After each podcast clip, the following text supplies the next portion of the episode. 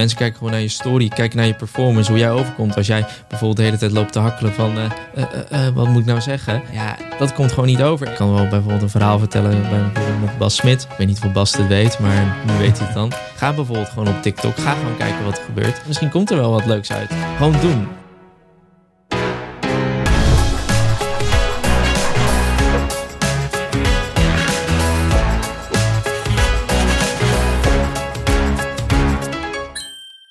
Jan, van harte welkom bij Young Ones. Ja, leuk man. Mooi dat je er bent. Ja, ik vind het ook heel leuk dat ik hier ben. Zeker, want we hebben veel dingen te bespreken.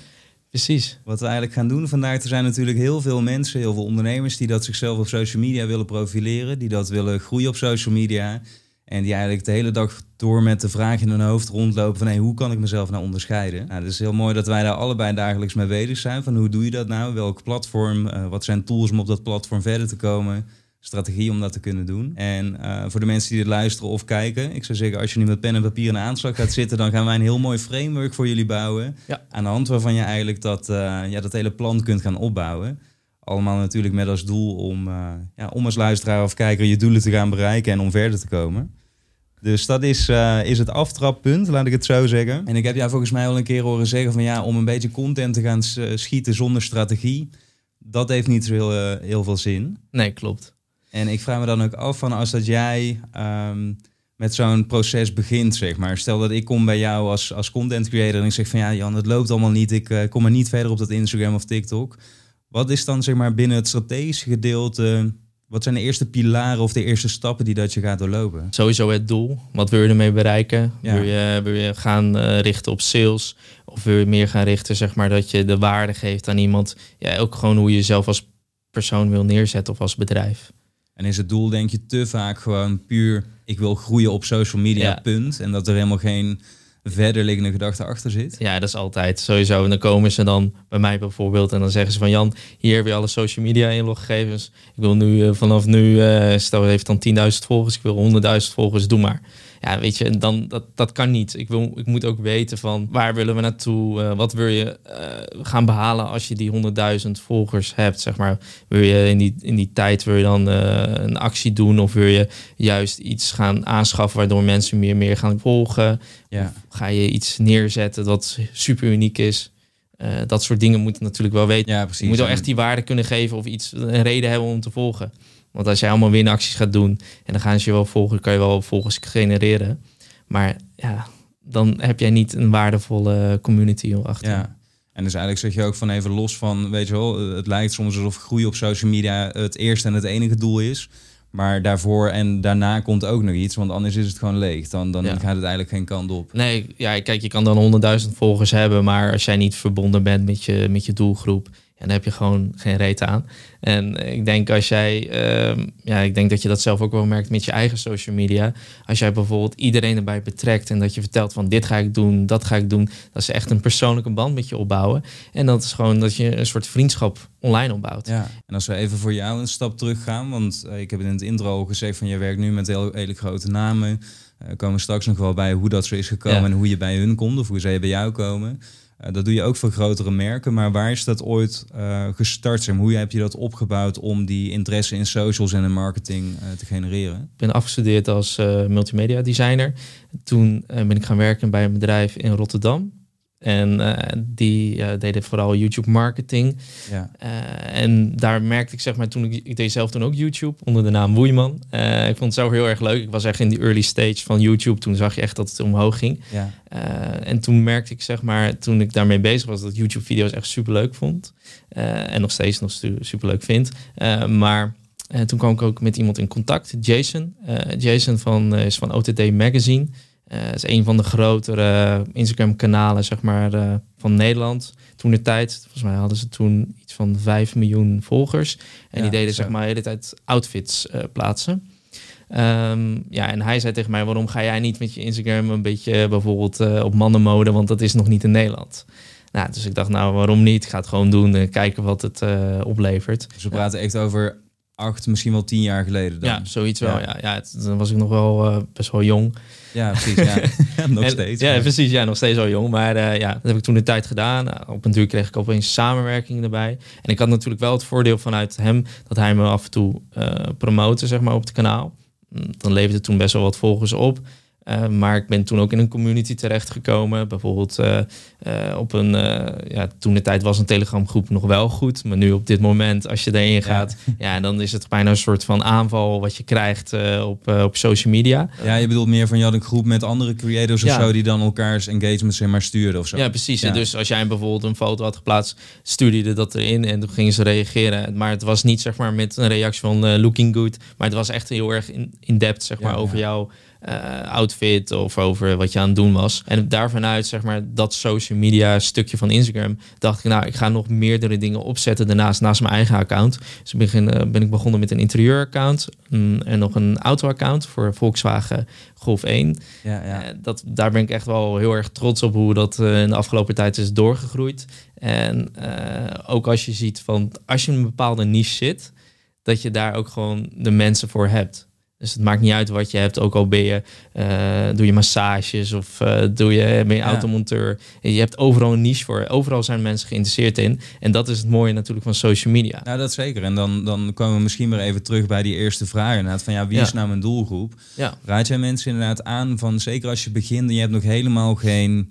Mensen kennen je nog neer, niet ergens van dan zie ik heel veel accounts. En ik sprak gisteren ook nog iemand in mijn livestream op Instagram. Die zei van ja, maar ik doe en vechtsport en ik ben en van gezondheid. En ik wil eigenlijk mensen ook gewoon motiveren met hoe ik ben. Raad jij mensen dus aan van begin inderdaad met een niche en maak in ieder geval een keuze. En dat betekent niet dat je voor de rest van je leven eraan gebonden bent. Maar kies in ieder geval iets zodat andere mensen ook ja, weten. Ja, dat sowieso. Dat werkt gewoon heel goed. Als je gewoon eerst op focust op één iets. Dus stel, uh, kan wel een goed voorbeeld geven. Bijvoorbeeld bij Dutch Performante. Uh, daar heb ik zeg maar in het begin hebben we ook met de groei mee geholpen. Ja. Uh, wat we heel erg zagen in het begin, hij had natuurlijk de Lamborghini, de plaatste natuurlijk superveel, maar dat heeft wel zijn groei uh, geresulteerd, zeg maar, in zijn groei. Want het was een auto. Hij kreeg zeg maar allemaal autospotters. hij kreeg allemaal vaders die het natuurlijk vet vonden. Ook moeders natuurlijk. Maar je zag echt gewoon een groei komen, zeg maar, op, met, door die auto. En toen langzamerhand hebben we het omgeswitcht naar een persoonlijke kant. En toen ging de groei nog harder, want zagen ze een persoon achter wie in die auto zat. Dus stel je begint, uh, je hebt een hoverniersbedrijf en je vindt bijvoorbeeld uh, het uh, snoeien van bomen super gaaf. Ga dan alleen richten op, die, ja, op het snoeien van die bomen, want daar zit gewoon een community achter. Ja. En dat, dat is echt zo. Want als ik nu zie wat voor hoveniers bijvoorbeeld op uh, social media zitten. En je hebt zo'n guy die woont hier in, ja, die is in Nederland. En die wordt gewoon gesponsord door alle grote merken. En die heeft echt 16 of 17 miljoen weergaven per reel. En die doet gewoon heel mooi die, uh, het snoeien van de bomen. Dat is ook iets wat veel mensen denken, toch? Dat, oh, dan ga ik op socials of ik ben op socials en daar kan ik dan niet helemaal mezelf zijn. Dan moet ik een soort van dingen gaan doen die werken. Terwijl, wat jij zegt, van als je weet wat je passie is inderdaad... en waarvoor je daar bent en wat je te vertellen hebt dan is het natuurlijk iets wat je eigenlijk altijd kunt volhouden. Want daar zit je, je hele kern in. Ja, en dan, en dan spreek je ook gewoon heel erg over. Dus uh, dan kan je ook je stories over maken. Dan kan je reels over maken. En dan ga je niet denken van ja, ik moet dit opnemen, want uh, dat werkt goed. Nee, je neemt het gewoon op omdat je het zelf super leuk vindt. En dat is sowieso met elk, elk social media. Je moet er gewoon zelf ook achter staan. Je moet er ook gewoon een goed gevoel bij hebben. Want ja, weet je, als je dat niet hebt, dan kan je het beter gewoon niet doen. Want even, je noemde bijvoorbeeld dat account van uh, die Volkswagen wat je hebt, uh, hebt gecreëerd. Uh, het account van Shahid. was echt vanaf het begin bij Dutch Performant betrokken, toch? Dat hij 4, 5k volgers ja, of zo? Ja, ja, precies. Ja, toen kwam ik met hem in aanmerking. Ja, in ieder geval, ik, ik kende hem al best wel een tijdje ervoor. Ik had hem een keer ontmoet op een, uh, op een beurs. En toen zag ik dat hij actief was zeg maar, met het account ik dacht, nou ik stuur gewoon een DM, kijken of hij reageert. Ja. En toen had hij dat gereageerd. En toen heb ik hem, kwam ik eigenlijk eerst met insteek, zeg maar, met YouTube. Uh, want ik had al wat YouTube dingen voor hem gemaakt. Uh, en toen uh, zei hij, ja, ik heb eigenlijk iemand over YouTube. Maar ik vind het nog wel heel leuk hoe jij misschien iets kan doen voor, voor mijn socials. Nou, en toen zijn we gaan zitten en toen hebben we gekeken van waar kunnen we naartoe? wie is nu de doelgroep? Waar wil hij zelf naartoe? Nou, hij wil natuurlijk de grootste van Nederland worden. Dat wil natuurlijk iedereen. Ja. Maar ja, hij heeft het wel bereikt, zeg maar. Precies. En, en natuurlijk ook door middel, ik denk dat ook vooral bij hem is, hij is natuurlijk een, echt wel een uniek karakter.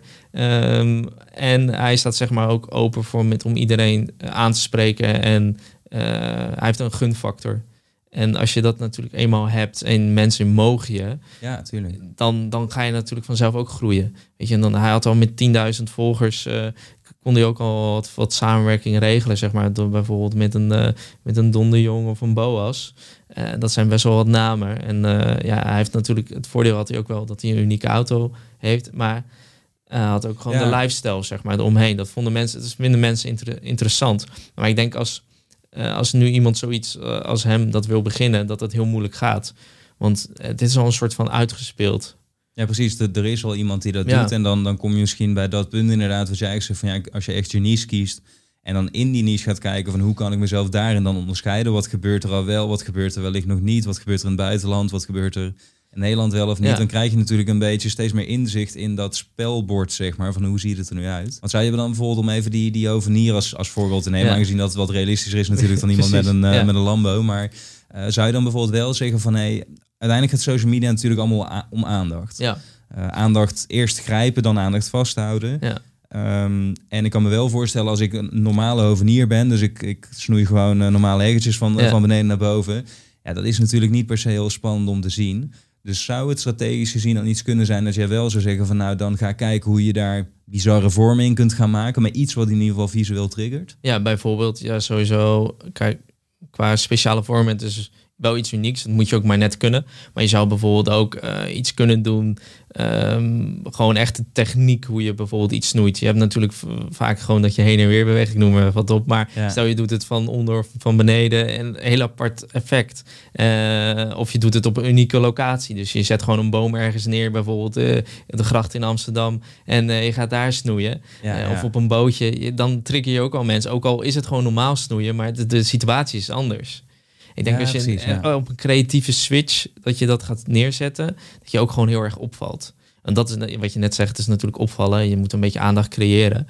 Maar als jij bijvoorbeeld, uh, stel je gaat snoeien en, je sta, en het is kerst en je staat in een uh, kerstmanpak, dan val je natuurlijk ook al op. Van, Precies, uh, Of nu met Pasen, ja, gaat het ook al heel erg anders ja. zijn. Maar het is misschien wel, wat je zegt inderdaad, hoe mensen het vaak benaderen, is natuurlijk een beetje als een soort nog steeds veredeld vriendenboekje. Of ja. überhaupt bijvoorbeeld als je alleen nog maar foto's post, dat ik denk van ja, maar de mogelijkheid voor video is er. Wat, wat kijk je zelf liever, zeg maar. Precies. Um, en dan is het binnen die video inderdaad wat je zegt van durf je dat stapje extra te gaan. Dus en durf je jezelf te onderscheiden, maar ook inderdaad, nou je kunt je eigen tuin gaan staan snoeien. Dat lijkt me niet heel spannend, maar wat jij net noemt, die voorbeeld, dat vergt toch weer even die net die stap extra en wat meer motivatie natuurlijk. Ja, precies. En ja, het kost natuurlijk gewoon in eerste instantie gewoon best wel wat moeite. Uh, maar uiteindelijk, wat je ervoor terugkrijgt op lange termijn, dan denk je van ja, had ik dat al veel eerder moeten doen. Ja, ja. Dat is gewoon heel bijzonder. Dat is gewoon als je, als je het op een unieke manier neerzet, dan ja, en dat daarna doorpakt,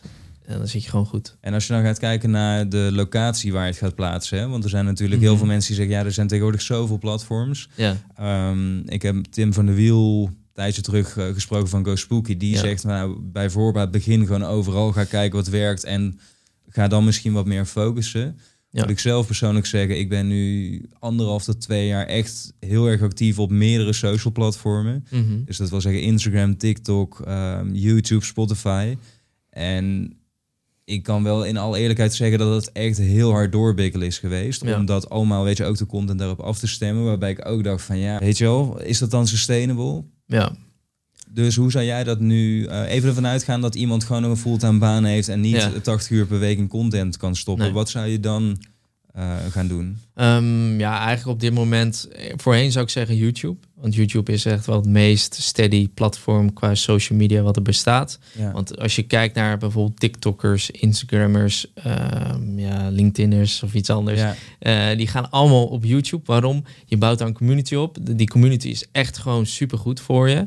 Uh, want je kan vanuit een YouTube video, kan je heel erg pushen uh, om bijvoorbeeld uh, op een ander kanaal te gaan volgen. Uh, maar stel je bent die hovenier, gaan we dan weer even naar de hovenier. En dan zou ik gewoon echt gaan richten op TikTok. Uh, vooral omdat dat makkelijke content is. maar je zou dat daarnaast ook wel kunnen doorplaatsen op YouTube. YouTube Shorts heb je natuurlijk. Ja. Dat groeit natuurlijk ook super hard. Ja, TikTok is gewoon op dit moment wel een gunstig platform waardoor je heel snel kan groeien. En je kan op TikTok kan je ook zeg maar je kanalen eraan koppelen. Dus je kan je Instagram kanaal eraan koppelen, je kan je YouTube kanaal eraan koppelen en je kan je bedrijfs of uh, je website eraan koppelen. Ja. Dus daar hebben die stappen ook gelijk al een soort van afgevinkt om daar extra uh, mensen op te genereren. Ja, want dat is wel interessant natuurlijk. Ja. want ik, ik probeer het ook vaker op mijn Instagram en zo mensen duidelijk te maken van, uh, en ik zeg bewust op mijn Instagram, omdat het natuurlijk over TikTok gaat. Ja. Maar dat je had het in het begin over die begintijd van YouTube en Instagram. En je echt, als je het goed aanpakt, razendsnel kon groeien. Klopt. Omdat er gewoon nog minder concurrentie was. Het, algoritme was nog minder dichtgeknepen, mm om het zo te zeggen. En die fase, die, die is nu nog steeds op TikTok natuurlijk. Het is alweer iets minder dan een jaar geleden, maar... Klopt. Uh, het is denk ik wel van als je gaat kijken waar je de meeste resultaten terugkijkt voor de investering die je levert zonder e- extra budget erin te investeren, dan is het daar natuurlijk op dit ja, moment. Klopt, je kan gewoon hele simpele content maken met je telefoon en dat scoort gewoon goed. En je hoeft niet eens heel veel volgers te hebben. Want je kan gewoon viraal, viraal gaan, zeg maar, op, op TikTok. Ja. Zonder dat je volgers hebt. Ja, het is gewoon bizar. Het, het is voornamelijk heel belangrijk dat je gewoon de persoonlijke touch erin verwerkt. Dus dat je gewoon laat zien wie je bent. En met de, de soort, uh, ja, het aparte wat je doet, zeg maar. Je niche ook daarin. Ja, precies. En, en jezelf binnen die niche onderscheiden. En dan is het mooi wel voor als je het nu kijkt of luistert, dat ik denk van als je even terug naar de geschiedenis gaat kijken naar Instagram bijvoorbeeld, dan zijn echt een heel aantal of een heel groot aantal van de bedrijven die nu heel groot zijn. Ik noem bijvoorbeeld een Gymshark. Ja. Dus, bijna in Europa gewoon het snelst groeiende bedrijf nog steeds. Nu is gewoon gebouwd op Instagram. Ja. Uh, nu lukt je dat bijna niet meer op Instagram, omdat het gewoon nogmaals te verzadigd is. Klopt. Maar er zullen ongetwijfeld nu bedrijven gaan komen, of een aantal van de grootste, die via TikTok gewoon dat dat hun katalysator was, zeg maar, of accelerator om te gaan groeien. Klopt. Ja, dat zie je nu ook al eigenlijk al, zeg maar, met uh, van die dames die dan live zijn, zeg maar, met hun eigen kledingboutiqueje. Ja. Uh, dat ze bezig zijn met het inpakken van, uh, van bestellingen. Ja, als je dat al ziet van wat voor reacties erop komen, van ook oh, ik heb net besteld via TikTok. Ja, dat is toch bizar. Ja. Dat had je eigenlijk drie jaar, vier jaar terug niet over kunnen nadenken dat het zo gaat. Maar dat zie je toch wel in als alle social media platformen dat ze daar wel echt mee bezig zijn, zeg maar, door video te koppelen aan verkoopfuncties, zeg maar. Ja. Ja, want dat ontstaat natuurlijk in, wat zeg je ook op TikTok en zo steeds meer gewoon dat, dat social selling of social commerce, ja. dat je gewoon direct eigenlijk vanuit de content iets kunt gaan aanschaffen. Klopt. Ja, dat wordt ook wel steeds meer als je gaat kijken naar het AR, dat komt ook veel meer met een koppeling, zeg maar, met een uh, dat je iets kan shoppen erop. Ja, ja dat is echt bizar. Misschien even dan inderdaad wat je zegt met AR, maar de manier waarop jij jezelf binnen, laten we het dan even zeggen, de marketing space hebt onderscheiden. Ja. Uh, vind ik ook wel heel bijzonder, omdat dat precies van die dingen zijn waarvan ik dan denk van oké, er zijn dus tientallen, al dan niet honderden marketing agencies, mensen die zich met marketing bezighouden. Dus hoe ga ik dan opvallen? Dat is eigenlijk elke keer weer die vraag die mensen hebben. Ja. Hoe heb jij dat toen aangepakt? Of wat zijn een aantal dingen die je hebt ingezet om uh, daarvoor te zorgen? Ja, eigenlijk het, uh, het grootste ding is zeg maar een beetje brutaal zijn en durven en bluffen. voornamelijk dat laatste, dat bluffen, dat heb ik best wel veel gedaan. Uh, ik kan wel bijvoorbeeld een verhaal vertellen, bij bijvoorbeeld met Bas Smit. Ik weet niet of Bas dit weet, maar nu weet hij het dan. Uh, ik had hem een DM gestuurd, uh, ik denk op een zaterdag, rond een uur of elf of zo. Ik was ergens wat wezen drinken. Ik dacht, nou, weet je, ik, ik zie hem de hele tijd voorbij komen met social media, met, met, met zijn bril op. Ik dacht, nou, waarom heeft hij nog geen filter voor zijn bril? Dus ik had gewoon een bericht gestuurd van, hé hey Bas, ik heb wat vets voor je gemaakt. Maar ik had helemaal niks gemaakt. En uh, nou, een half uur later reageert hij, hey Jan, vet, wat heb je gemaakt dan? Ik dacht, shit, nu moet ik iets gaan maken. Dus ik heb gestuurd, ja, ik heb wat voor je gemaakt, namelijk een uh, AR-filter van je bril. Oh, vet, stuur me op. Dus ik dacht, nou, nu moet ik iets gaan maken. Dus ik heb echt mezelf snel alles geprobeerd aan te leren. Want ik, ik heb ooit één keer een filter gemaakt. En dat was voor Tim en Tom Coronel, voor Dakar, voor de race. Ja. dat vond ik super vet. Maar ik wist helemaal niet dat, dat, dat het, zoals nu, dat het een deel van mijn business zou uitmaken ja, toen heb ik die bril gemaakt. Nou, ik heb alles geprobeerd. Nou, het was eerst een, een, een, een, echt een simpele bril. Het was uh, volgens mij een soort van Ray-Ban bril. Ja. En uiteindelijk wilde hij, vond, heeft hij het gezien en vond hij het super vet. Hij zegt, ja vet, ik wil hiermee verder. Uh, kan je hem ook maken als dit? Stuurde hij een foto van zijn eigen bril. En toen kreeg ik zijn nummer. Ja, toen, en toen ging het zeg maar echt lopen. Ja, precies, wat vet man. En dat, dat is wel echt het beginstadium geweest, zeg maar, van uh, met, met AR-filters. En ook eigenlijk ook met mijn business. Gewoon het brutale zijn, het bluffen. En vragen gewoon uh, aan, aan mensen van, staan jullie ervoor open? ik doe dat nog steeds elke maand. Ik doe gewoon, uh, denk ik, drie keer, vier keer per maand. Gewoon verschillende mensen benaderen. Ook gewoon in Amerika of in andere landen. Gewoon benaderen en kijken wat er op afkomt. Want ja, weet je, je, kan toch, je weet toch nooit wat ze reageren. Nou, en, zeker. En, niet geschoten is altijd mis. Dat ik denk dat je het wel slim doet om het risico wat kleiner te houden dan dat je eerst alles al gaat maken. En dan wellicht heel veel mensen zullen ook niet reageren of, of laat pas reageren. Precies. Uh, en dan raak je natuurlijk snel teleurgesteld. Dan denk je van nou laat maar zitten, dan stop ik er weer mee. Terwijl als je het inderdaad eerst, nou dan geef je jezelf natuurlijk wel wat druk als in dit geval Bas dus reageert en dan uh, Precies. het wel wilt. Maar dat, uh, dat komt dan uiteindelijk wel vaak goed als je gewoon ervoor gaat. Ja, klopt. En, en dat heeft wel echt zo zijn voordeel gehad. Ja. vanuit Bas is er echt heel veel uh, losgekomen, zeg maar, vanuit het online, ja, online media. Zeg maar ook qua, qua, merken die er zijn gekomen. Want eenmaal als je zijn naam noemt en of op je website hebt staan, ja, dan vinden mensen gewoon. Ja, het, het is een soort van god, zeg maar, met, op, op social media. Het is, hij staat gewoon zo hoog. Hoor dat, Bas? ja, nee, maar hij staat zo, hij staat zo hoog. En, en, en dat is natuurlijk het, het, het, het, het, wel het mooie. Je hebt gewoon een naam die je kan droppen. Ook al was het zeg maar een bluffmomentje. En misschien is het in het begin extra waarde die je geeft. En misschien kost het jou meer uh, geld slechts tijd. Maar uiteindelijk wat je eruit krijgt is echt bizar.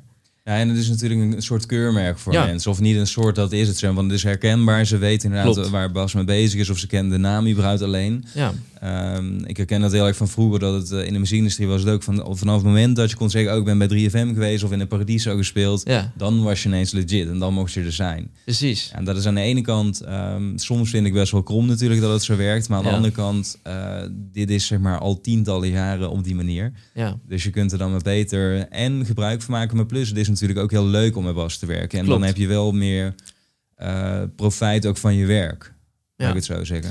Ja, inderdaad. En het is ook natuurlijk een jonge gast, zeg maar, ja. die, die gewoon voor alles open staat. Dus als jij zegt van, uh, als jij hem nu een appje stuurt van, ik heb dit als dit als idee, zegt ja, maak maar. En, en dan gaat hij het ook nog gebruiken. En dat, dat vind ik leuk. Dat mis ik soms wel bij verschillende merken waar je dan mee samenwerkt.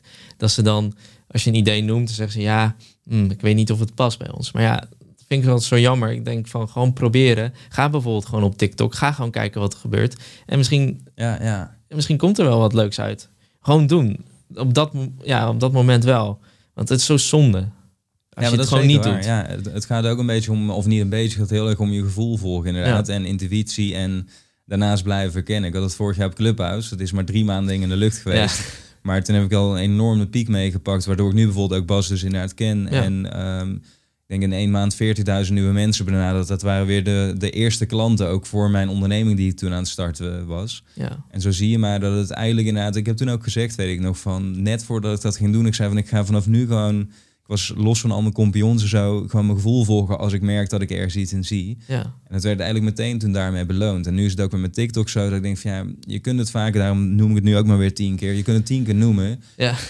En over een jaar of over twee jaar, wanneer dat mensen echt daarvan gaan inzien wat het is geworden, dan krijg je weer van ja, ja, maar nu zijn de kansen niet meer eerlijk verdeeld. Nee, dan precies. Denk ik van, ja, maar daar moet je nu gewoon even investeren. Investeer ook in je video skills. Neem jezelf op, ga dat leren. Want ik noem dat echt gewoon een soort skills of the future. Van in principe moet iedereen een video van zichzelf kunnen opnemen. Solliciteren later of nu al, het gaat vaak gewoon via video. En wordt steeds meer. Net, net als natuurlijk met social media, als we kijken naar TikTok en Instagram.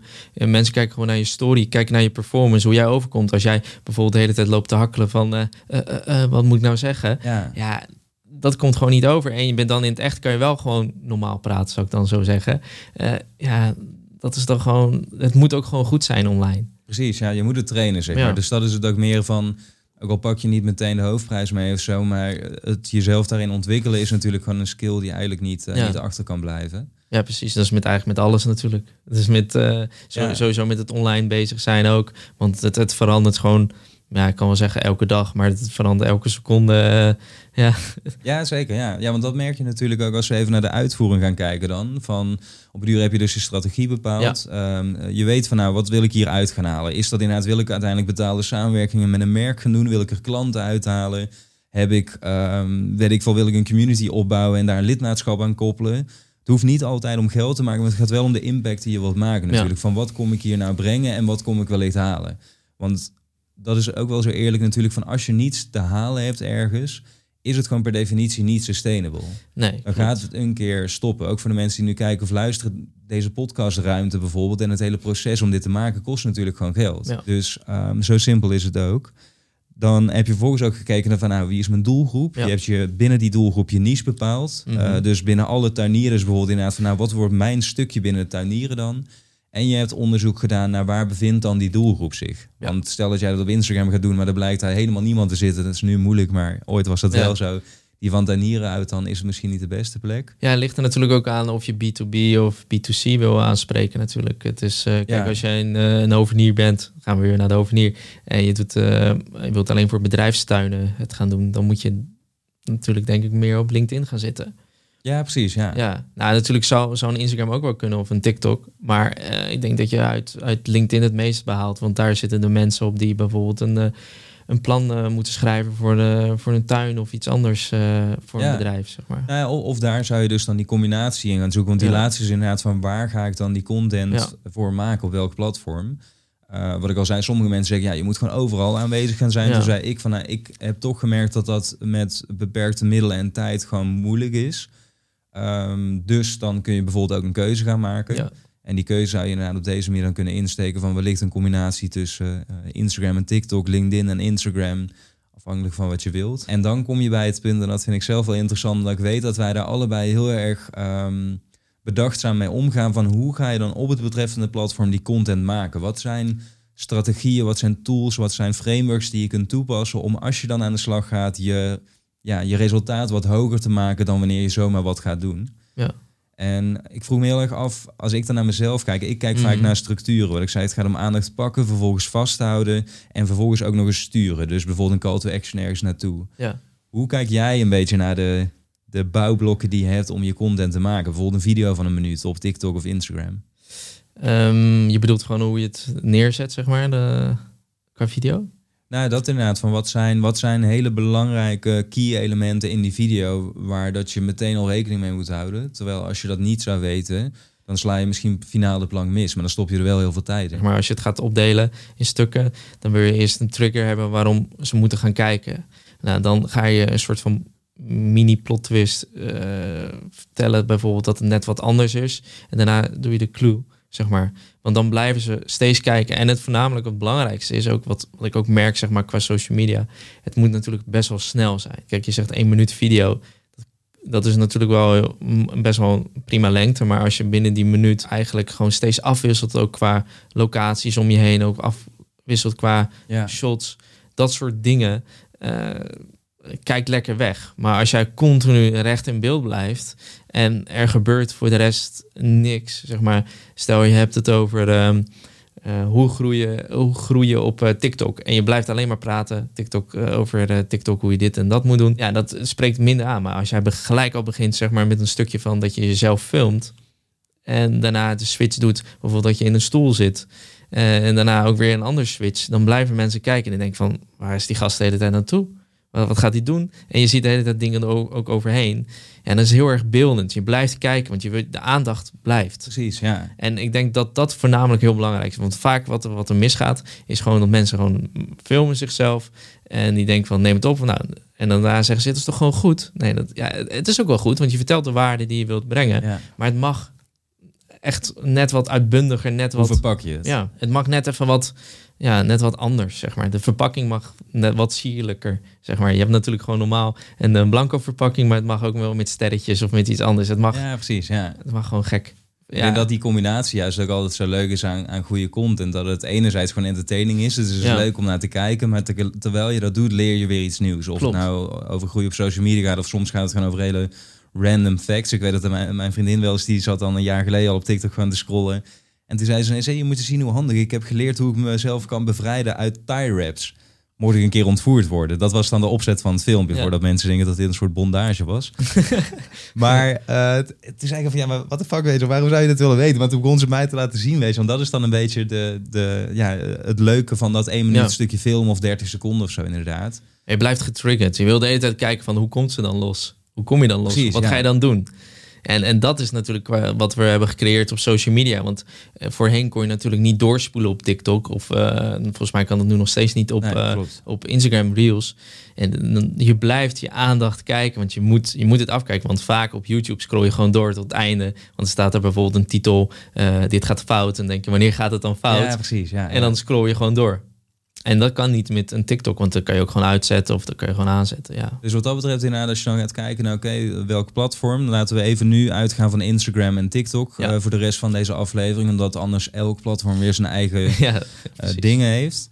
Maar dan komt vervolgens inderdaad vaak de vraag van oké, ten eerste wat voor soort content. Nou, dan heb je een doorgaanse keuze tussen foto of video. Ja. Um, ik zeg altijd, ik weet niet of jij dat ook zo dat ik altijd denk van ja, een paar foto's hartstikke leuk is dat je ze hebt, maar in principe gewoon video, punt. Ja, eigenlijk de video is wel het, wel het belangrijkste, want je laat je natuurlijk je gezicht zien. Ik vind de valkuil die ik vaak zie bij ondernemers is dat ze gewoon zien van oh, er worden nog steeds veel foto's geplaatst, nou dan doe ik dat ook, want dat is veiliger. Dat vergt veel minder van jezelf. En dan zijn het vaak ook nog productfoto's. Dat ik denk van ja, als ik honderd zakken koffie heb gezien, dan, dan heb ik het wel gezien, snap je? Precies, ja, en dat, dat, dat vind ik ook altijd wat zonde, zeg maar, van dat soort foto's, wat ik meestal ook zeg dan tegen zo'n type klant, zeg van er moeten mensen op, want uiteindelijk kopen mensen ook van mensen. Als jij een shirt gaat kopen bij, bij een bepaalde kledingwinkel online, ja, dan kijk je altijd hoe het staat. Dat is hetzelfde ook met een koffiezak. Ook al is de koffiezak uh, ja, iets, een product wat je denkt van, nou, daar kijk niet zoveel naar. Maar als je bijvoorbeeld iemand al uh, iets in zijn hand heeft qua koffiezak en je staat ernaast, dan zie je ook hoe groot die is. Dus dat geeft ook een soort van reminder van, oh, die koffiezak is zo groot. Nou, dat is prima, er zal er zoveel koffie wel in zitten. Het is net even wat anders dan, dan een, een, een, productfoto met, uh, die op, mooi op een tafel staat. Dat is natuurlijk ook mooi, maar op een duur ja, is dat, heb je het al uitgespeeld. Precies, de, de, de ene is hetzelfde als de andere. En, dan, uh... en daarnaast zou je zelfs ook nog een video kunnen maken. Dat die gast zeg maar de, de koffiezak in zijn hand heeft en hij doet hem open en dan gaat een ruiken zeg maar aan de koffie. Ja, maar dat bedoel ik, van dat even met video. Want het geeft zoveel meer dynamiek. Je hebt zoveel meer elementen om mee te spelen. En dat spelen met die elementen, ik denk dat wij dat allebei zo leuk vinden. Dat je daar je creativiteit vervolgens in kwijt kunt. Als je weet van oké, alsof je een soort palet van een kunstenaar voor je hebt, weet je, met allerlei verschillende kleuren en structuren. En als je dat eenmaal door hebt van oké, ik heb dus inderdaad de opening van een video. Ja. Ik heb verschillende settings waarin ik dingen kun, kan opnemen.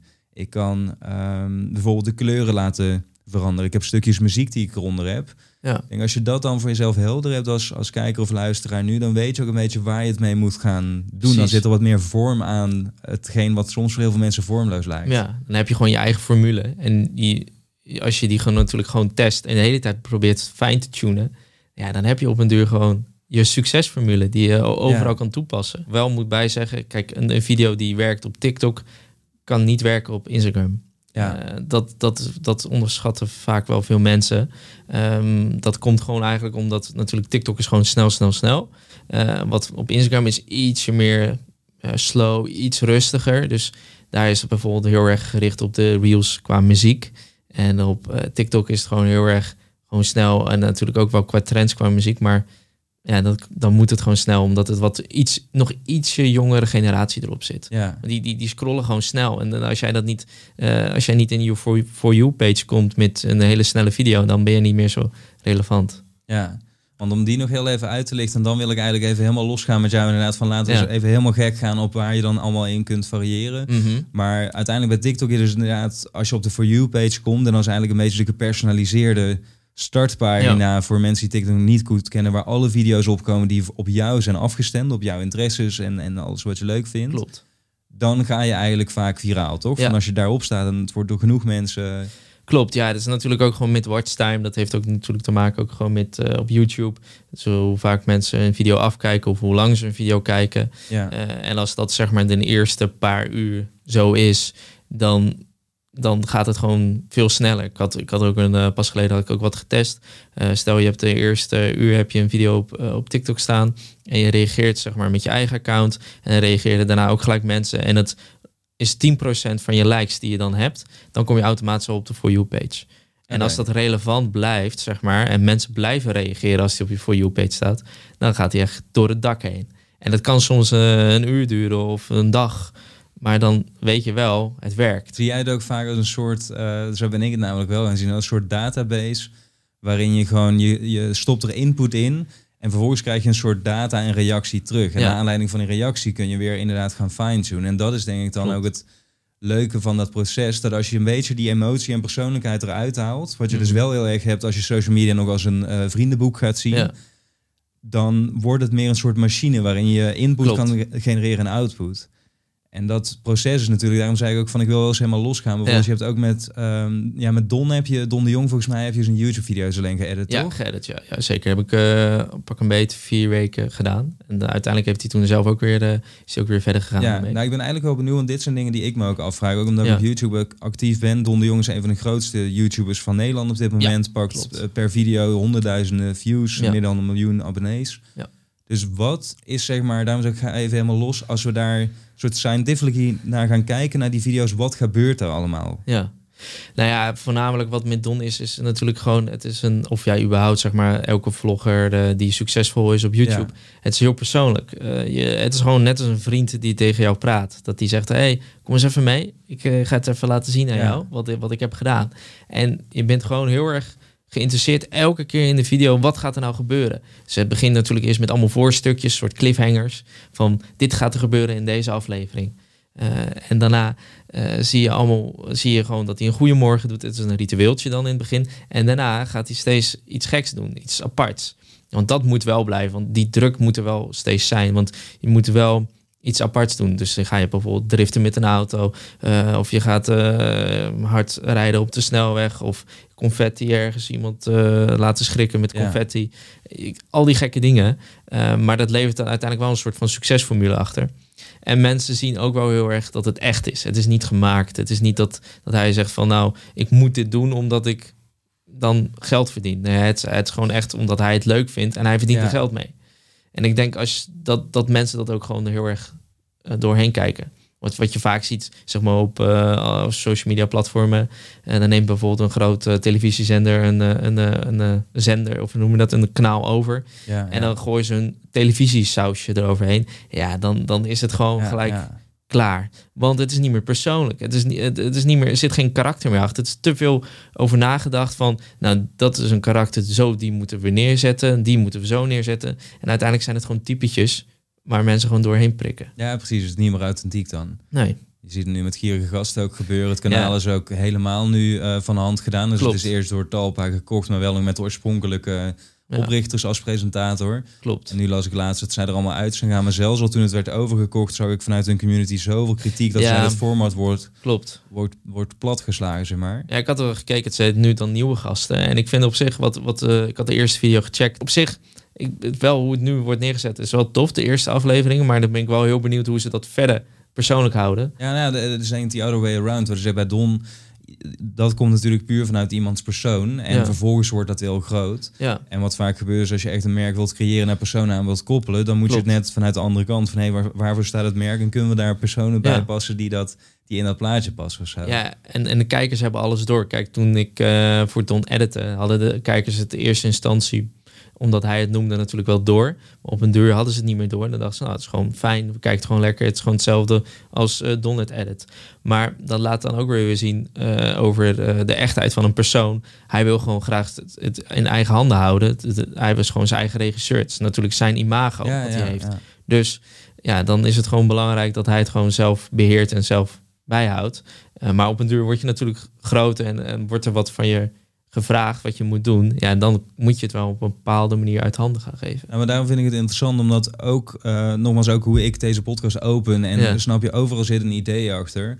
Dus heel vaak zie je inderdaad dat er een soort filmstructuur wordt gevolgd. Dus ja. Dus ik zeg vaak van, um, Bijvoorbeeld voordat je een film gaat kijken, kijk je eerst de trailer. Nou, die trailer staat op dit, in dit geval overal op socials, op TikTok, op die korte contentformaten. Mm Omdat als je dat stukje niet hebt gezien, ga je ook bijvoorbeeld nooit deze hele podcast checken, tenzij je jou kent of mij kent. Klopt. Dat zijn een beetje de vormen die, uh, die je dan hebt. En dan vervolgens denk je nou, in zo'n vlog bijvoorbeeld van Don, van oké, wat is de structuur die wordt aangehouden, waarmee je die aandacht toch aan het, binnen de authenticiteit aan het sturen bent. Ja, dat is voornamelijk naar dan beginstukjes wat ik zeg. Je wordt getriggerd. Dus eigenlijk wat je net zegt, van die TikToks stukjes van bijvoorbeeld deze podcast. Die korte teasers inderdaad. Ja, die heeft hij dan natuurlijk in zijn uh, video staan. Want hij heeft eigenlijk het volgersaantal heeft hij al, zeg maar, om die video's aan te klikken. Uh, daarna komt de intro, daarna zie je een beginstukje van hem. En dan gaat hij praten van, nou, dit gaan we vandaag doen. Nou, dan ben je eigenlijk al getriggerd, want denk van, oh, wat gaat hij nou doen? Of hij houdt het zeg maar nog een beetje geheimzinnig. We gaan iets vets doen vandaag, maar ik ga nog niet vertellen wat. Ja. En daarna vervolgens zie je dat hij bijvoorbeeld met een auto aan de drift is. Dat is super gaaf. En dan tussenstukje komt er net wel weer een soort van twist. Dat hij vertelt van nou, we zijn bezig met een super vet project. Maar kan ik nog niks vertellen. Maar misschien over een paar vlogs kun je dat wel weer zien. En dan hou je zeg maar echt de aandacht. En dan gaan mensen toch de hele tijd die vlogs blijven kijken. Want ze willen weten wat er komt. En dan heeft hij bij de volgende vlog heeft hij misschien weer wat anders. En dat soort, soort content. Eh, maakt niet uit wat voor uh, YouTuber je bent, ook een Nederlandse of Amerikaanse. Dat werkt altijd goed. Je hebt bijvoorbeeld in Amerika Mr. Beast. Ja, dat is natuurlijk de, de, de man, zeg maar, op, uh, op YouTube. Maar wat hij doet is natuurlijk... Hij begint eigenlijk al gelijk al met het... Um, met, met, met wat hij gemaakt heeft of wat hij heeft gedaan. En dat zie je gewoon dat het gewoon super goed werkt. Want hij zegt bijvoorbeeld, nou, uh, uh, ik maak de grootste hamburger bijvoorbeeld. En dan zie je gelijk al de hamburger erachter staan. Dan denk je van, ja, hoe heeft hij die hamburger gemaakt? En dan volg je gewoon de hele tijd het avontuur. Maar ja, hij doet de hele tijd ook wel steeds wel een switch van qua setting, qua ander iets. Dus je blijft de hele tijd ook aandachtig kijken. En dat doet Don dan op zijn manier natuurlijk met met dat beginstukjes. Uh, laat hij een soort van trigger, want hij laat eigenlijk een soort van het eindresultaat ook alweer zien. Ja. Maar je gaat dan wel uh, de content kijken omdat je wilt weten wat gebeurt er dan in die situatie. Want bijvoorbeeld een beginstukje dat hij op zijn bek valt. Ja, hoezo valt hij dan op zijn bek? Dan moet je de hele vlog kijken. Ja, ja. ja maar dat, dit is dus interessant. Want ja. als je en, en dat is denk ik dan die tweede future skill waarvan ik ook altijd zeg van storytelling is echt voor iedereen. Zelfs in een discussie met je partner zeg maar of in een, uh, een soort overtuigingswedstrijd. maar ja. is dat heel relevant omdat je dan weet inderdaad hoe aandacht werkt en waarom wij bepaalde verhalen wel interessant vinden en niet.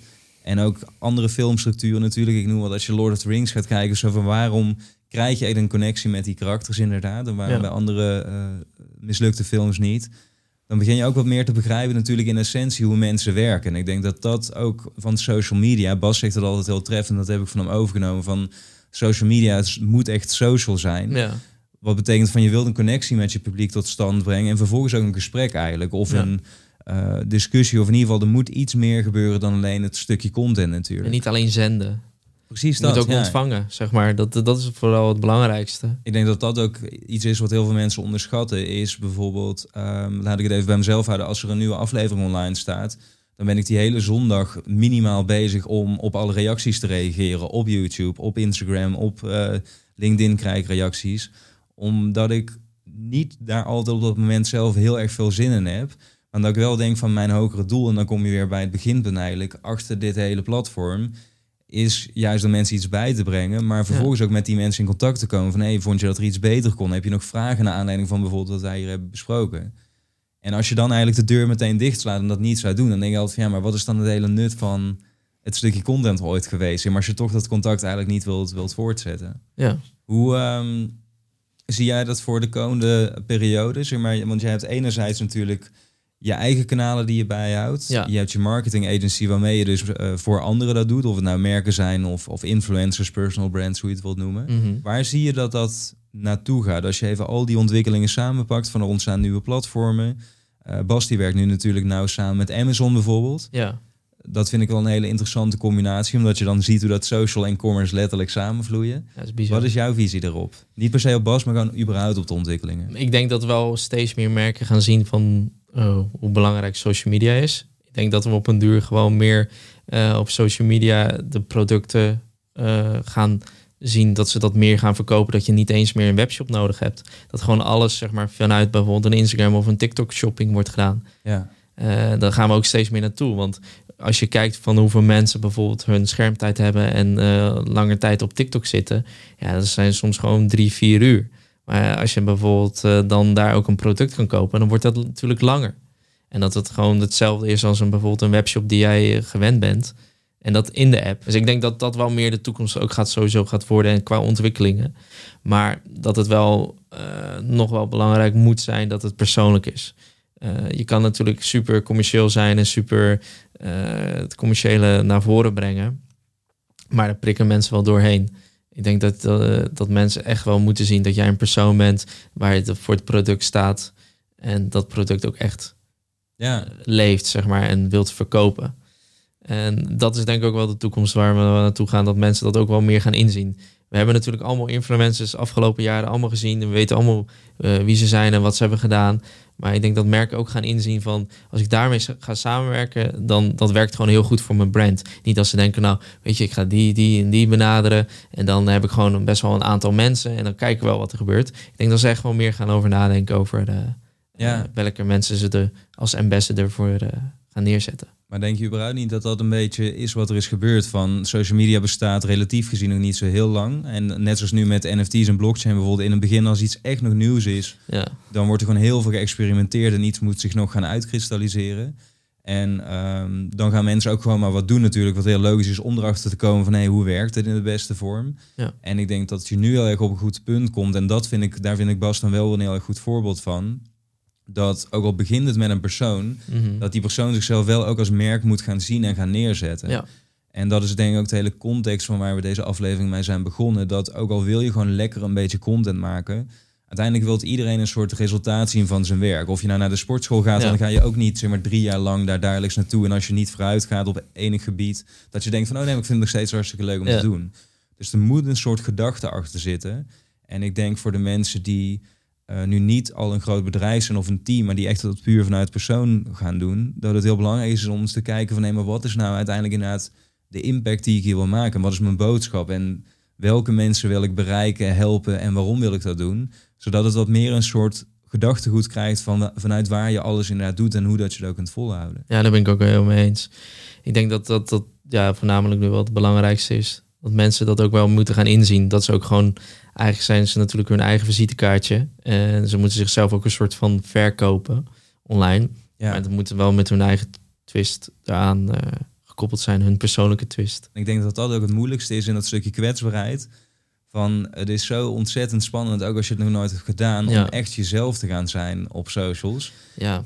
En ja, niet een soort typetje te gaan creëren, want dat staat weer verder van jezelf af. Dus daar kun je dan weer achter verschuilen. Maar als het gewoon is van inderdaad, dit is Jan. Ja. En doe het in die zin maar met Jan. En ja. snap je? Dat is, dat is wel spannend om, uh, om daarmee te starten. Klopt, ja, dat, ja. Ik had het sowieso in het begin ook. Ik ben best wel heel erg verlegen, zeg maar. Of ja, verlegen heel erg op de achtergrond. Ik ben niet heel erg van het naar het voren, uh, mezelf naar voren brengen. Um, ik vind het soms ook af en toe moeilijk om iets te, uit, uh, zoals nu met, met, met mijn woorden, iets te zeggen.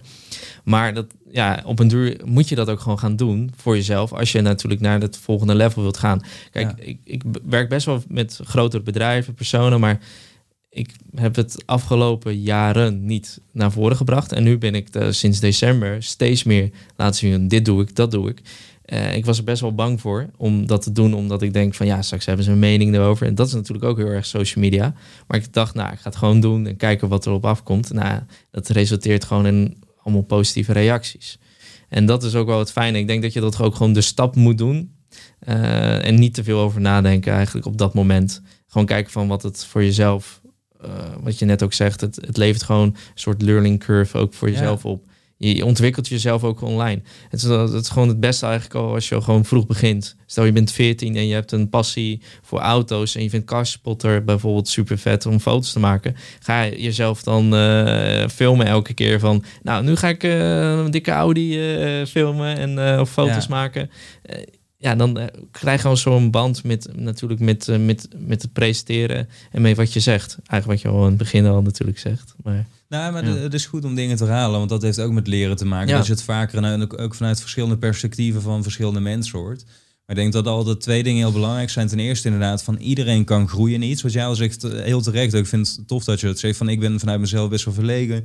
Meer op de achtergrond. Maar dat betekent dus niet dat je dat niet kunt of dat dat er niet in zit. betekent misschien alleen dat je het dan ten opzichte van iemand die heel groot op de voorgrond staat, wat, van wat verder moet komen. Maar des te inspirerender is het dan weer om te zien ook wat jij nu doet voor iemand die misschien ook denkt van ja, ik ben ook wel wat verlegen. Um, ik sta niet misschien graag op de voorgrond, maar dat betekent dus niet per se. Dat wordt ook vaak geassocieerd met social media van oh, dan wil je haantje de voorste zijn. Dat is het dus niet. Het is een soort personal space, net zoals wij hier nu gewoon in een kleine omgeving een gesprek voeren. Uh, en daar vervolgens duizenden mensen naar kunnen laten luisteren om het wat meer impact te laten Klopt. maken. Ja, en ik denk dat het ook wel je kracht kan zijn. Stel je bent heel verlegen en uh, je, je gaat gewoon op je social media en je laat zien van, nou, dit is wat ik doe en het gaat steeds beter. Ja, dan, dan word je ook natuurlijk gewoon veel zelfverzekerder daar ook nog in. Dat, is, het heeft alleen maar voordelen. Ja, zeker. Gewoon om te doen. Zeker, ja, ik denk als je nu op dit moment zit met van ja, ik durf het niet aan of uh, ja, dan, ik zal het gewoon gaan doen. Want uh, het, het, levert gewoon zoveel meer op. En je kan jezelf gewoon echt gewoon leren. Ja, dus inderdaad is dat er drie, ik ga ze vanaf nu uh, skills of the future noemen zijn, die dat je echt gewoon als je nu luistert moet gaan beheersen. Of je nou wel of geen ondernemer bent, maakt het niet, niet zoveel uit. het is alleen maar gunstig. Ook al uh, zit je in een Zoom-gesprek, moet je ook gewoon uit je woorden komen. Dus, Precies, uh, ja. Dan is het dus inderdaad public speaking of voor een camera. Maar ik, ik, weet dat de, de grootste angst van de meeste mensen is spreken voor een publiek. Ja. En daarmee zeg ik ook wel altijd van dat toont wel aan van dat je er dus mee moet gaan trainen. Want dat het niet van nature in ons zit. We vinden het van nature, vinden bijna iedereen vindt dat eng. Een presentatie is allemaal lastig. Dus dat is iets om je in te ontwikkelen. Uh, tweede wat we hebben gezegd is storytelling. Ja. Van hoe zorg ik nou voor als ik dan mijn verhaal ga vertellen, of het nou op een podium voor een publiek is, of het nou in een uh, meeting is met collega's of voor een camera. Van hoe zorg ik er dan voor dat dat lekker overkomt? Dat hebben we ook gezegd, dat heeft te maken met aandacht sturen, vasthouden, grijpen. Dus dan zou ik zeggen, Google gewoon storytelling en ga daar video's over bekijken. Precies. Casey Neistat is daar echt een perfect voorbeeld voor. Zeker, ja. Heel, heel goed voorbeeld inderdaad, Casey Neistat. En um, ten derde natuurlijk van ga eens onderzoeken uh, waar binnen al die platformen waar je je verhaal dan kunt vertellen, ja. de mogelijkheden voor jou liggen. Wat wij al zeiden van op TikTok heb je nu per definitie meer rendement dan op een Instagram. Klopt. Gewoon per post. Dus dat zou wel een, een ja, daar heb je meer kans. Maar daarnaast ook van oké, dan op het specifieke platform, wat zijn dingen die ik wellicht kan twisten of anders kan doen om uh, daar nog beter uit de verf te komen. Ja, en misschien nog ten vierde, gewoon je ja. niche. Gewoon pak je niche, ga, ga zoeken van wat vind ik nou echt leuk en waar wil ik mezelf in ontwikkelen. En hoe kan ik dat bijvoorbeeld toepassen op die social media kanalen. Ja. Ik denk dat dat, dat ook heel belangrijk is. Om, uh... Nou, zeker, want dat is ook wat jij uh, zei. En dat is misschien een mooi bruggetje naar de winactie die we natuurlijk hebben verzonnen. Ja. Ik weet dat nu alle oren recht op, op gaan staan als we het over aandacht hebben. Maar bij jou um, was een van de redenen waardoor Bas bijvoorbeeld jouw bericht heeft gekeken en daarop heeft gereageerd dat jij iets had gevonden wat nog maar heel weinig mensen deden. Ja. Waardoor het voor Bas ook iets was dat hij zei van... hé, hey, interessant, hier moet ik even op ingaan. Klopt. En dat zijn natuurlijk die gifjes, die filters die jij maakt... terwijl jij ook tegen mij heeft gezegd van... hé, hey, maar dat vormt vervolgens ook vaak weer de brug... naar mijn andere marketingactiviteiten. Precies, ja. Dus jouw niche in die zin, binnen het spectrum van marketing... ben jij ook gaan kijken van... hé, hey, maar wat is nou onderscheidend en anders? Nou, dat is dan even onder het kopje AR genomen. Ja kom je dan natuurlijk bij een aantal onderdelen uit. Klopt. En, en het voordeel daarvan is natuurlijk ook, kijk, als je gifjes maakt, dan kan je ook makkelijk dat ook weer aan je collega's verkopen. Dus dan kom je daar ook weer in contact mee. En die kunnen ook gewoon weer jouw, jouw expertise zien. Uh, en daardoor ben jij gewoon vrienden met elkaar. En dan hoef je niet met elkaar uh, vijanden te zijn dat je zegt, nou, je pakt mijn klant af. Nou, en dan kan ik ook bijvoorbeeld voor een bepaalde klant werken waar hij dan ook mee werkt of zij.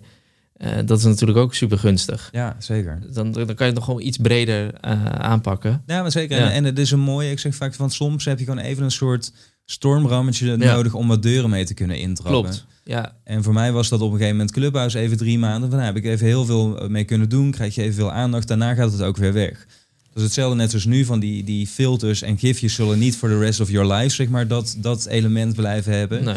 Maar ik weet wel zeker, en dat is weer de skill die jij meedraagt met je, dat je op een andere manier straks binnen andere gebieden weer zoiets gaat vinden en dat je het dan weer doet. En dat is denk ik iets waar je gewoon heel ver mee kunt komen. Ja, ja, sowieso. En ik denk ook natuurlijk met AR, dat blijft ontwikkelen. Want nu sinds een paar dagen kan je, heb je ook een, eh, een beta studio van TikTok. Ja, ik waar je natuurlijk je eigen filters kan maken.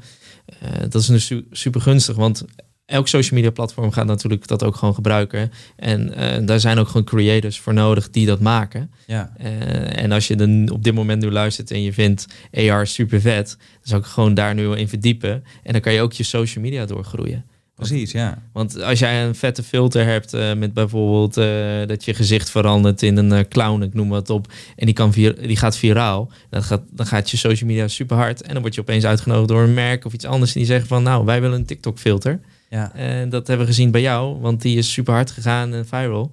En dan heb je gelijk al, wat je net al zegt, die eerste stap om binnen te komen. Staat je ene voet al binnen en dan moet je daarna even gewoon gaan rennen en uh, dan binnenhalen. Precies dat. Ja. Dus aan mensen die nu luisteren en die zichzelf dus willen onderscheiden op social media, uh, zou ik zeggen, jij hebt aangeboden van ik wil één ja. uh, zelfgemaakt of custom gemaakte filter weggeven aan een van de luisteraars. Of natuurlijk kijkers op YouTube. Ja. Daar hoeven ze maar één simpel ding voor te doen. Of daar hoef jij als je luistert of kijkt maar één simpel ding voor te doen. En dat is onder de video op YouTube reageren waarom jij die filter graag wilt winnen. En daarmee bedoel ik dus, om het wat concreter te maken, wat is de reden waarvoor jij jezelf wilt onderscheiden op social media? Wat is het doel wat je daarmee wilt bereiken? Dat kan zijn dat je jongeren wilt inspireren, dat kan zijn dat je iets over je passie of je hobby wilt delen. Maar in ieder geval, ik vind het mooi is dat er een persoonlijk verhaal achter zit. En ik weet dat jij dat ook vindt. Jan, daar hebben het natuurlijk al heel over gehad. Van laat je persoonlijkheid zien. Mhm. En dan gaan we uit al die inzendingen het mooiste uh, verhaal kiezen. En dan win jij dus een door Jan gemaakte Instagram filter. Klopt. Dan gaan we een hele dikke filter maken. Kijk, nice man. Tof dat je dat doet. Want dat vind ik ook, weet je wel, bij mij gaat het er altijd om. Als ik iets koppel aan de podcast dan um, ik heb daar zelf lang dus over nagedacht, dan moet het iets zijn wat met groei te maken heeft. Ja. En dat kan persoonlijke groei zijn. Dus in het geval van Didio's, de twee afleveringen terug, uh, kon iemand een afvaltraject uh, winnen. Nou, dat is natuurlijk heel waardevol. Want als je dat weer beter in je vel komt te zitten, kun je ook weer andere dingen makkelijker doen. In jouw geval is dat iets waarmee je jezelf dus op social media kunt onderscheiden. Maar wat je bij mij dus niet snel zal zien, en dat is ook misschien om even dus dat referentiekader duidelijk te maken, is dat ik zeg van win nu een paar schoenen of zo. Of een tandenbleekset of dat soort shit. Omdat ik dan denk van ja, maar dat past helemaal niet bij wat Young Ones is. Nee. En zo zie je dat het misschien voor, als je nu kijkt of luistert, enerzijds heel persoonlijk kan aanvoelen. Want je ziet continu en hoort continu mij met een andere gast. Ja. Maar toch kijk er ook als een merk continu naar van wat zijn nou de dingen die we hier wel bij passen en die er niet bij passen. Ja. En ik denk dat je dan de beste combinatie van, uh, van beide werelden hebt, zeg maar. Ja, precies. En zo blijf je het ook uniek houden. Kijk, als je continu een shirtje of een uh, petje weggeeft, ja, dan denken ze op een deur, ja, dat vind ik wel prima. Tuurlijk, ja. Uh, en dit heeft gewoon veel meer waarde. Wat je net al zegt, het past ook bij de, bij de gast die je hebt. Zeker, ja. ja. ja en dit is ook iets, nogmaals, waar jij jezelf ook mee ja. onderscheidt. Dus dan, Precies, van, dan is, de, is de cirkel helemaal rond, zeg maar. Ik, ik vond het super interessant om met je te spreken, Jan. Ik vind het heel nice hoe jij al inderdaad op hele jonge leeftijd gewoon in die online wereld bent gedoken. Thanks. Meteen bent gaan pionieren eigenlijk en gaan avonturieren. En nogmaals, dat betekent dus ook altijd risico. Want het ook, had ook niet kunnen lukken of minder goed kunnen lukken. Ja. Maar zo zie je ook dat degenen die risico nemen daarvoor beloond worden. Of het nou kort of lange termijn is. Ja, nee, ja, ik vond het ook heel tof om uh, gewoon hierover te spreken. En uh, ik hoop dat ik mensen heb uh, geïnspireerd. Ook, ook al ben je natuurlijk verlegen, gewoon, gewoon doen, vol gas gaan en tot een mooi resultaat gaan. Zeker man, dankjewel. Yes, jij ook bedankt. Oh, twee seconden voordat je weer doorgaat met je dag. Vanaf nu maak ik dus elke week op mijn Instagram bekend wie dat mijn gast zal zijn en geef ik jou de mogelijkheid om vragen in te sturen. Die manier krijg jij dus direct toegang tot de gasten van de podcast. Volg me op Sander en dan ben jij als eerste op de hoogte wie dat er gaat komen en maak je dus ook de meeste kans dat jouw vraag gesteld gaat worden. Tot de volgende keer.